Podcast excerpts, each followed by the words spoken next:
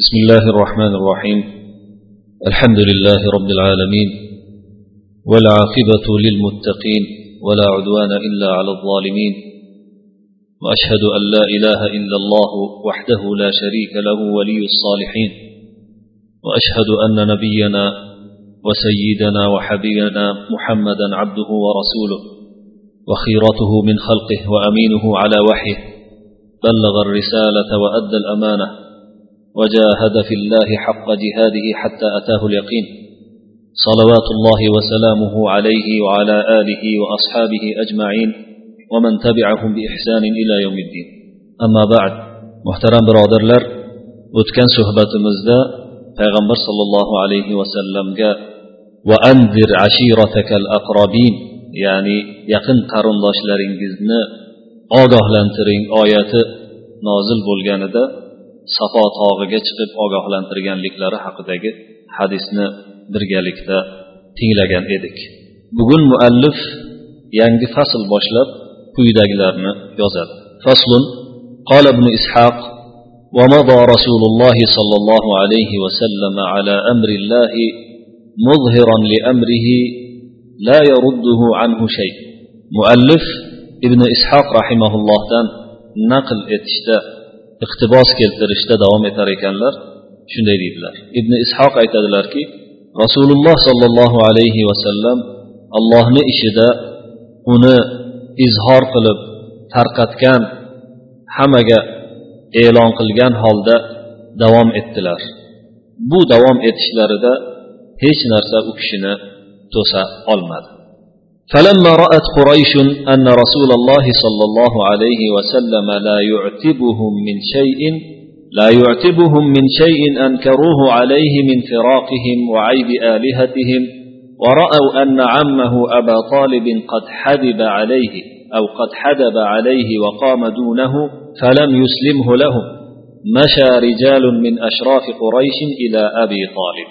قريش قبيلة payg'ambar sollallohu alayhi vasallam ular ya'ni quraysh qabilalari quraysh qabilari qabilasi zodagonlari inkor etayotgan achchiqlari chiqayotgan dinimizni tashlab bizni tashlab ilohlarimizni ayblab ilohlarimizni tashlab o'zga dinga kirib ketdi deb ayblayotgan narsalarini birontasidan bularni rozi qiladigan narsaga qo'ymayotganini ya'ni rasululloh sollallohu alayhi vasallam ularni roziligiga qaramayotganligini ko'rgach shu yerda la yu'tibuhum so'zini bir lug'aviy ma'nosini aytib o'tsak yaxshi bo'ladi chunki ataba atab so'zlari juda ko'p ma'nolarda keladi.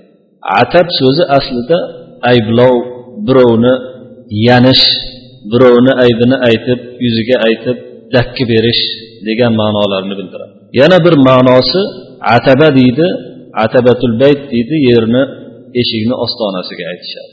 Yana bir ma'nosi ataba ma'nosida kelsa ko'nglidagi o'sha og'riqni ketkizdi degan ma'nosini ham beradi. Ya'ni birovga o'sha dakki berib turganligi xafa bo'lganligi uchun dakki berib turgan odamni qalbida bir narsa turgan bo'ladi. O'sha narsani ketkizishni ataba deydi arablar. Afala vaznida ko'pincha o'zi bir narsani birovga o'tkazib keladigan bo'lsa bu yerda o'sha narsani ketkazish ma'nosida keladi.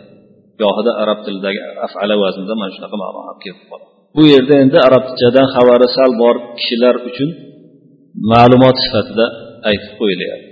Bu yerdagi ham la yu'tibuhum fe'li o'sha oxirgi ma'noda kelgan. Rasululloh sollallohu alayhi vasallam ularni qalbidagi narsalarini o'sha ilohlarini bu iloh emasligini aytib yakka alloh taologa ibodat qilish kerakligini aytib ularni ibodatlariga butlariga sig'inmay ular yurgan yo'ldan yurmay alloh taolo olib kelgan o'sha to'g'ri yo'ldan yurganlari yurganlarini bular ichlariga ancha joylashib bu narsada beparvoliklari ularni ancha g'azabini qo'zg'atib yubordi degan ma'noda ishlatilyapti. Demak quraysh mana shunaqa ahvolni ko'rgach hamda amakisi rasululloh sollallohu alayhi vasallamni amakisi abu tolibni o'z jiyaniga muloyim bo'lib yo'lida himoya qilib turib qolganini ko'rganlaridan keyin bu quraysh qabilasiga topshirmasdan uni himoya qilib turib qolganligini ko'rganlaridan keyin quraysh zodagonlaridan bir nechtasi abu tolibga qarab yurishdi borishdi. O'sha mashorijalul degandagi masho fe'li yuqoridagi haligi lammo degan shartga javob bo'ladi.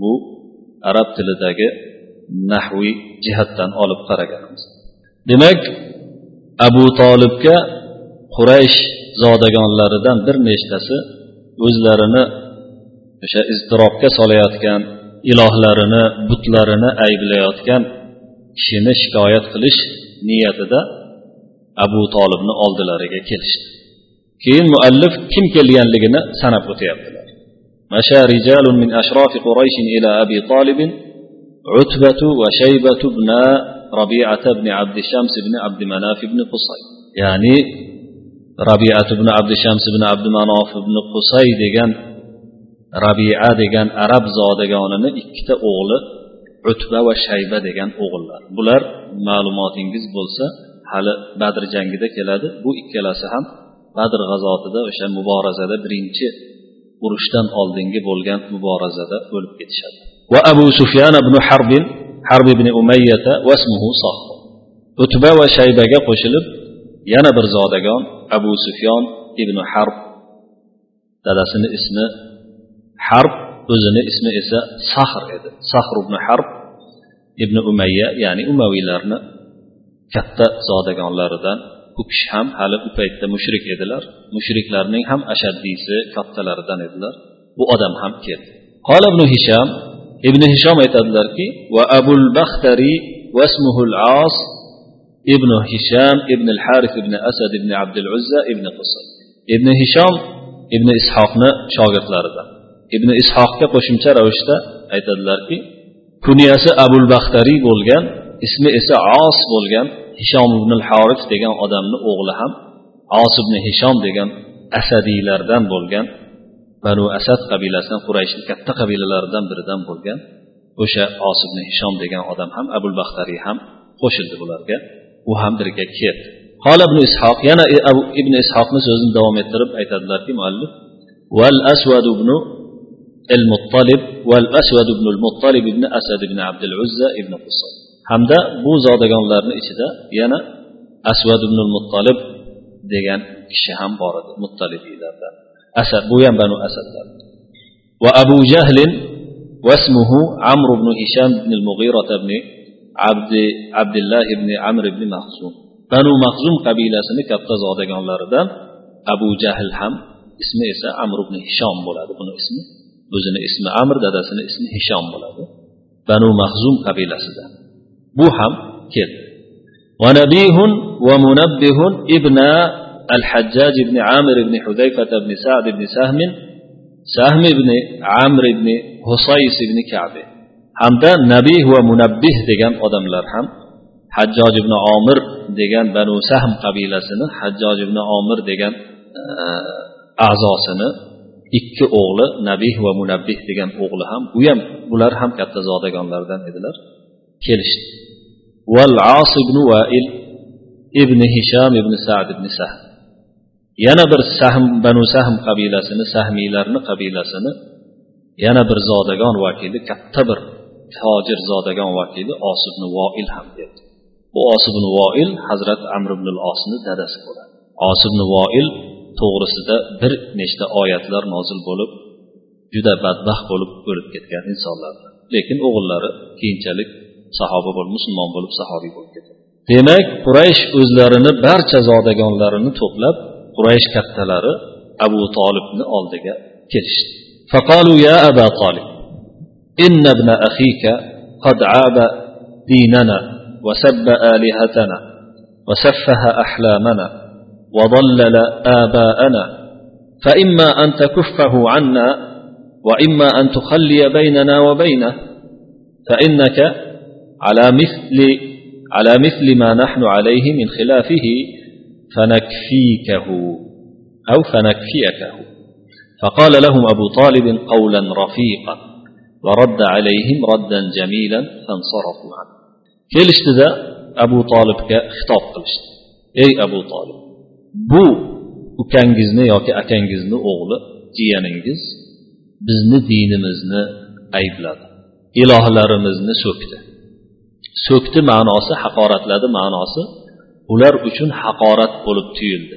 Ya'ni rasululloh sollallohu alayhi vasallam ularni ilohlari hech narsaga qodir emasligini bir toshlardan iborat ekanligini but ekanligini bularga sig'inish durust emasligini aytishlari ular uchun haqorat tuyuldi. Shuning uchun bizni ilohlarimizni so'kdi deyishdi. Ilohlarimizni so'kdi aqllarimizni ahmoqqa chiqardi bizlarni ahmoqqa chiqardi ya'ni nahotki shunaqa aql egalari sizlar toshlarga sig'insangiz? Bu qanday aqlga to'g'ri keladi degan gaplarni aytganlarida ular o'zlarini tanqid ostiga olishlari o'rniga sen bizni hali aqlimizga ham til tekizasanmi aqlimizni ahmoqqa chiqarasanmi deyishgacha yetib bordilar. Mana shu yerda ham o'sha so'zlarini takrorlayapti. Ota bobolarimizni zalolatda deb atadi. Ota bobolarimizni yomonladi. Payg'ambar vaholanki payg'ambar sallallohu alayhi vasallam sizlarni ota bobolaringiz bunaqa edilar bunaqa edi palonda edi deganlari yo'q edi. Lekin voqeil hol holni voqeligi ya'ni payg'ambar sallallohu alayhi vasallamni da'vatini voqeligi shunga dalolat qilib turar edi. Ya'ni qilayotgan ishlaringiz to'g'ri emas qilayotgan ishlaringizdan alloh taolo rozi bo'lmaydi. Alloh taolo mana shunga buyuryapti. Bu ishlaringiz esa ayni olloh yomon ko'rgan alloh taolo ayblayotgan alloh taolo qaytarayotgan ayni shirkni o'zi. Bu boshqa narsaga ibodat qilishdan qaytinglar faqat allohgagina ibodat qilinglar deyishlari payg'ambar sallallohu alayhi vasallam. Ha bizni ota bobolarimiz ham shunaqa o'tgan ediyu.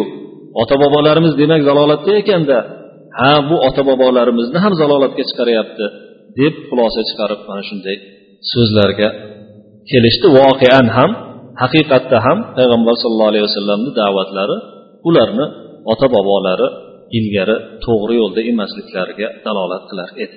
Demak shunday deyishdida keyin yana xitobda davom ettirib aytishdiki davom etishib aytishdiki yo siz uni bizdan tiyib qo'ying muhammad sallallohu alayhi vasallam muhammad sallallohu alayhi vasallam aytishyapti yoki biz bilan uni oramizni bo'sh qo'yib qo'ying ochib qo'ying. Ya'ni tegmang bizga. Chunki siz mana biz turgan yo'lda unga teskari bo'lgan biz turgan yo'ldasizku biz shu o'zimiz bas kelamiz unga keyin. O'zimiz bilganimizni qilamiz. Tegmang shuni ro'parasida turmang deyishdi. Shunda payg'ambar sallallohu alayhi vasallam ularga yengil yumshoq gap gapirib afva abu tolib shunda abu tolibga kelib xitob qilishgan abu tolib shunda ularga yumshoq so'z gapirib chiroyli rad javobini berib ularni qaytarib yubordi ular qaytib ketishdi وقال السدي إن أناسا من قريش اجتمعوا وفيهم أبو جهل بن هشام والعاص بن وائل والأسود بن عبد المطلب والأسود بن عبد يغوث في نفر من مشيخة قريش. فقال بعضهم لبعض انطلقوا بنا إلى أبي طالب فلنكلمه فيه فلينصفنا منه فليكف عن شتم آلهتنا وندعه وإلهه الذي يعبد. فإنا نخاف أن يموت هذا الشيخ فيكون منا شيء فتعيرنا به العرب يقولون تركوه حتى إذا مات عمه تناولوه إمام السدي hikoya qiladilar imom suddiy mashhur mufassir olimlardan hisoblanadi sahobalarni ba'zilarini ko'rib qolgan kishilar suddiy aytadilarki bu suddiyul kabir suddiylar bir nechta buni kishi o'sha suddiylarni kattalari suddiy degan kishilarni kattalari aytadilarki qurayshdan bir nechtalari to'plandilar zodagonlar. Bular orasida abu jahl ibn hishom os ibn voil asvad ibn abdul muttalib asvad ibn abdi yag'uz va bir nechta quraysh mashoyihlari zodagonlaridan bir nechtasi bor edi. To'planishdida bir birlariga shunday deyishdi. Kelinglar abu tolibni yoniga boraylik. Bu odam to'g'risida unga ochiq gapiraylik. Bizga insof bilan hal qilib bersin. Bu odam bizni ilohlarimizni so'kishdan to'xtasin. Shunda biz uni o'zini ibodat qilib yotgan ilohi bilan qo'yib beramiz. Zero biz bu abu tolibga o'xshagan qarib qolgan quraysh qabilasini kattasini o'lib qolishidan xavotirdamiz o'lib qoladigan bo'lsa keyin biz u odamga teginadigan bo'lsak bizdan bir narsa sodir bo'ladigan bo'lsa u odamga nisbatan arablar keyin bizni qo'ymaydi arablar keyin bizni ayblab aytishadiki abu tolibni to'xtab qarab turishib o'lguncha qarab turishdida o'lgandan keyin bu odamga tashlanib qolishdi degan aybni qo'yishadi bizga deyishdi فبعثوا رجلا منهم يدعى المطلب فاستأذن لهم على أبي طالب فقال هؤلاء فقال هؤلاء مشيخة قريش وسراتهم يستأذنون عليك shunda ular o'zlaridan abdul muttalib o'zlaridan muttalib degan bir kishini tanlab abu tolibga jo'natishdi abu tolibga ruxsat so'rab kirib bordi u odam aytdiki mana bu quraysh mashoyihlari kattalari zodagonlari sardorlari sizdan ruxsat so'rashadi kirishga deyishdi deb ruxsat so'rashlariga sabab abu tolib qurayshni eng katta zodagonlarini biri bo'ladi balki eng kattasi desa ham bo'laveradi قال أدخلهم فلما دخلوا عليه قالوا يا أبا طالب أنت كبيرنا وسيدنا فأنصفنا من ابن أخيك فمره فليكف عن شتم آلهتنا وندعه وإلهه kiritgin dedi abu tolib ular kirganlaridan keyin abu tolibga salom alikdan so'ng bo'lsa kerak. Kirganlaridan keyin ey abu tolib siz bizni kattamizsiz. Sayyidimiz boshlig'imizsiz. Bizga endi o'zizni jiyanizdan insofan insof qilib hal qilib bering. Unga buyuringki bizni olihalarimizni ilohlarimizni xudolarimizni so'kishdan to'xtasin shunda biz uni ilohini ham o'zini ham qo'yib qo'yamiz o'zini ilohi bilan qo'yib qo'yamiz ya'ni o'zi xudosiga ibodat qilib yotaveradi deyishdi قال فبعث إليه أبو طالب فلما دخل عليه رسول الله صلى الله عليه وسلم قال يا ابن أخي هؤلاء مشيخة قومك وسراتهم وقد سألوك أن تكف عن شتم آلهتهم ويدعوك وإلهك abu tolib shunda rasululloh sollallohu alayhi vasallamga odam yubordilar. Odam yubordi. Rasululloh sollallohu alayhi vasallam uni oldiga kirib borganlarida xitob qildiki ey jiyanim ushbular mana u odamlar qavmingizni kattalari rahbarlari zotagonlaridirlar. Ular sizdan o'zlarini xudolarini so'kishdan ayblashdan tiyilishingizni so'rashmoqda. Shunda siz va ilohingizni qo'yib tinch qo'yishar ekan dedi قال يا عم قال يا عمي أفلا تدعوهم إلى ما هو خير لهم قال إلى ما تدعوهم قال أدعوهم إلى أن يتكلموا بكلمة تدين لهم بها العرب ويملكون بها العجم shunda rasululloh sollallohu alayhi vasallam aytdilarki ey amaki ularni bu narsadan ko'ra yaxshiroq bo'lgan narsaga chaqirmaysizmi? dedi. Abu tolib so'radi nima narsaga chaqirasiz? Rasululloh sollallohu alayhi vasallam javob berdilarki ularni bittagina kalimani aytishga chaqiraman. U shunday kalimaki o'sha kalima orqali ularni ularga barcha arab bo'ysunadi bu kalima orqali arab bo'lmagan qavmlarni ham egallaydilar. Mana shu kalimaga chaqiraman dedi.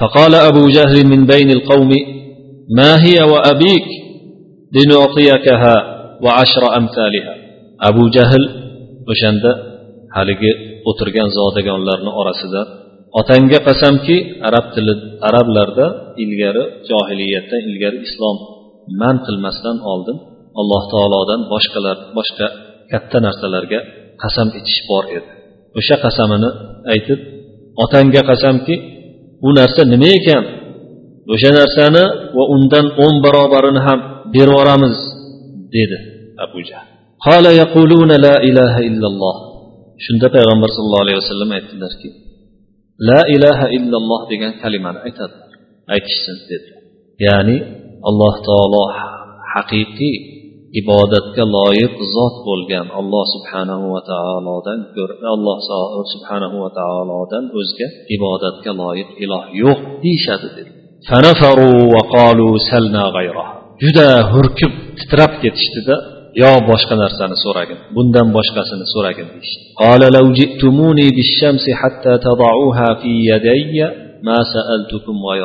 shunda javob berdilarki agar menga quyoshni olib kelganlaringda hamda bu ikki qo'lim orasiga qo'yganlaringda ham men bundan boshqasini ya'ni la ilaha illalloh kalimasidan boshqa narsani so'ramagan ya'ni dunyodagi barcha narsani menga berganlaringda ham bu narsani so'ramagan bo'lardi boshqa narsani فقاموا من عنده غضابا وقالوا والله va ya'muruka biha. Shunda ularni sarkashliklari tutib ketdida kishini oldilaridan g'azablangan holda turib allohga qasamki seni ham so'kamiz mana shu narsaga buyurayotgan xudoyingni ham so'kamiz deb chiqib ketishdi. Alloh taolo mana shu voqeani qisqacha qilib sot surasidagi mana shu oyatda shunday deydi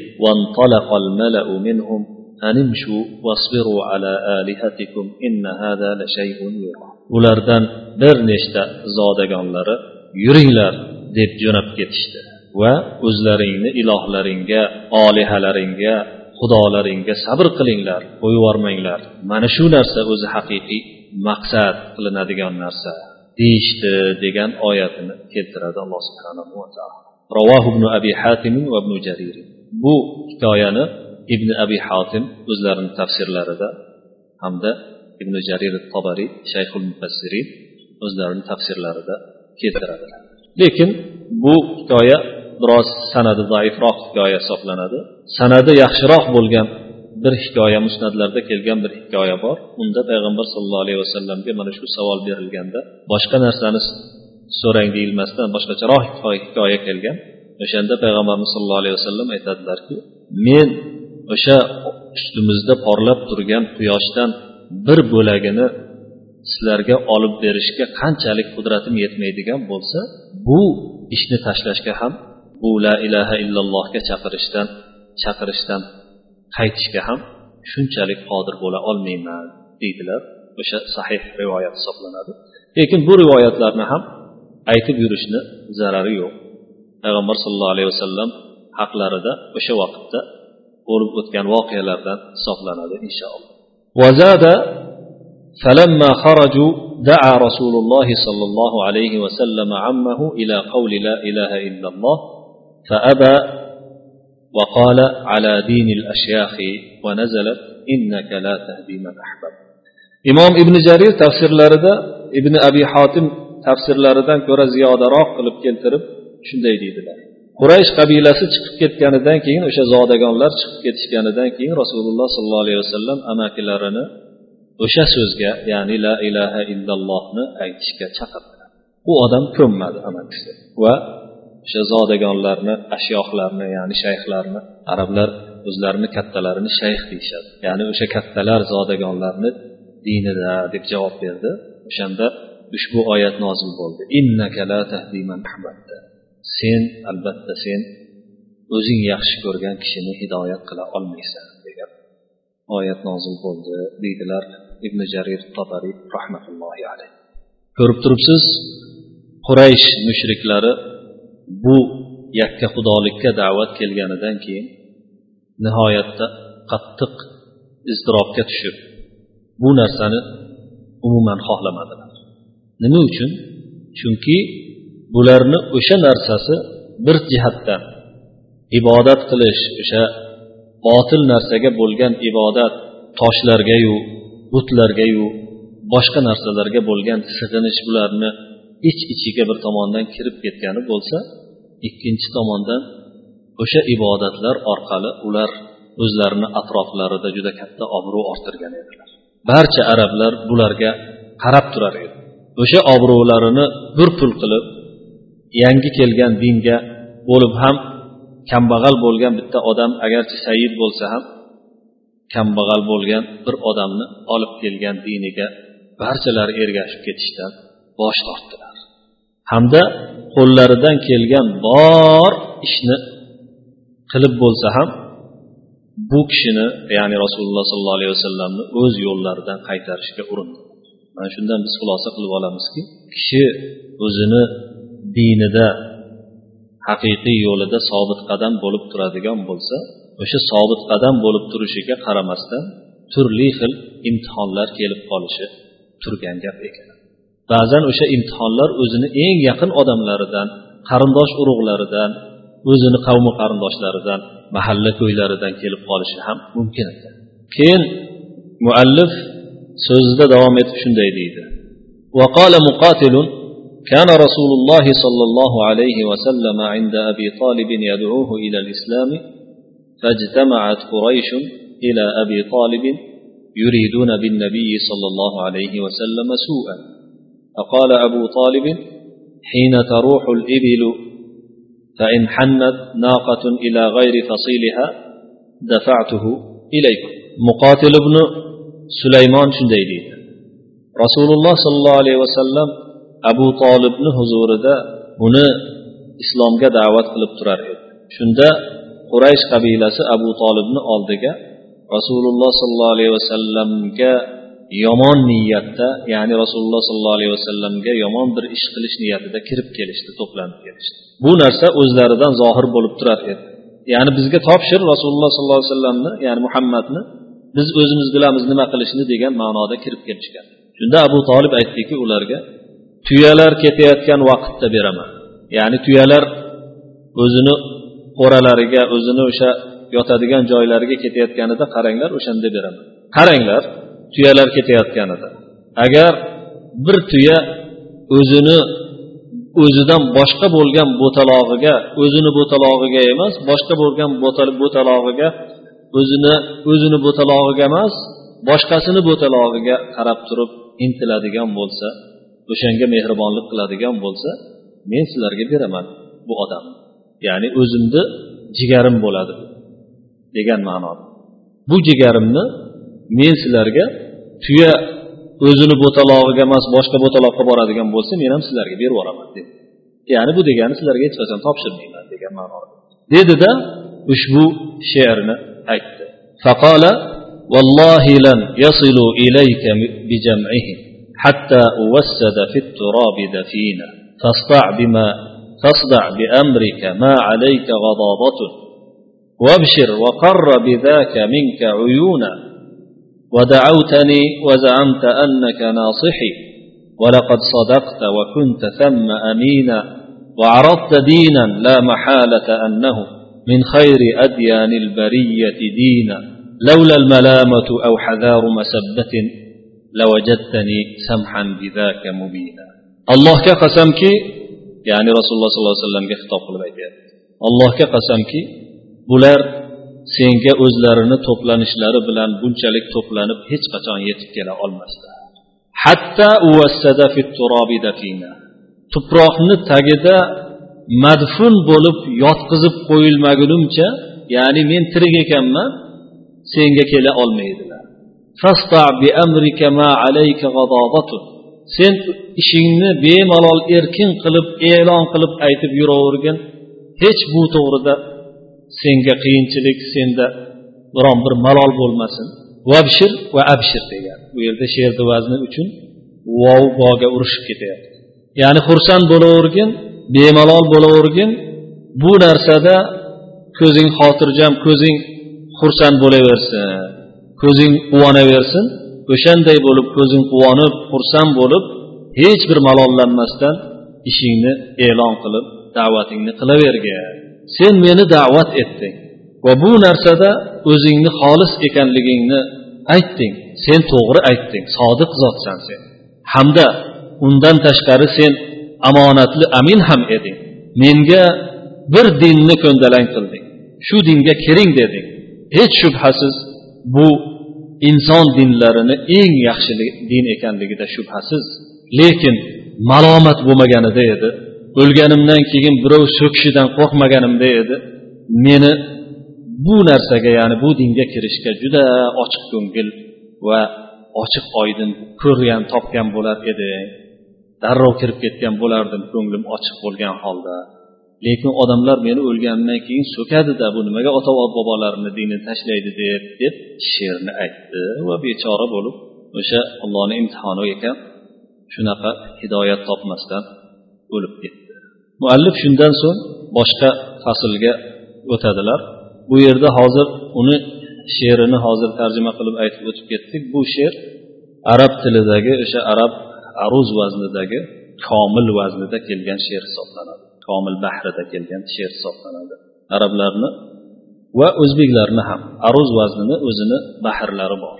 Arab tilidagi o'n oltita bahr bo'lsa o'zbek tilida undan ham ko'proq bahrlar bor. Bu yerda o'sha komil bahri mutafoilun mutafoilun mutafoilun deb ataladigan komil bahrida kelgan she'rlardan birini tarjima qilib o'tdi. keyingi suhbatimizda ko'rishgunga qadar endi hozir sizlar bilan xayrlashamiz o'sha vaqtga qadar alloh subhanahu va taolo barchamizni sog' salomat qilgan bo'lsin وسبحانك اللهم وبحمدك أشهد أن لا إله إلا أنت أستغفرك وأتوب إليك وصلى الله وسلم وبارك على نبينا محمد وعلى آله وأصحابه أجمعين والسلام عليكم ورحمة الله وبركاته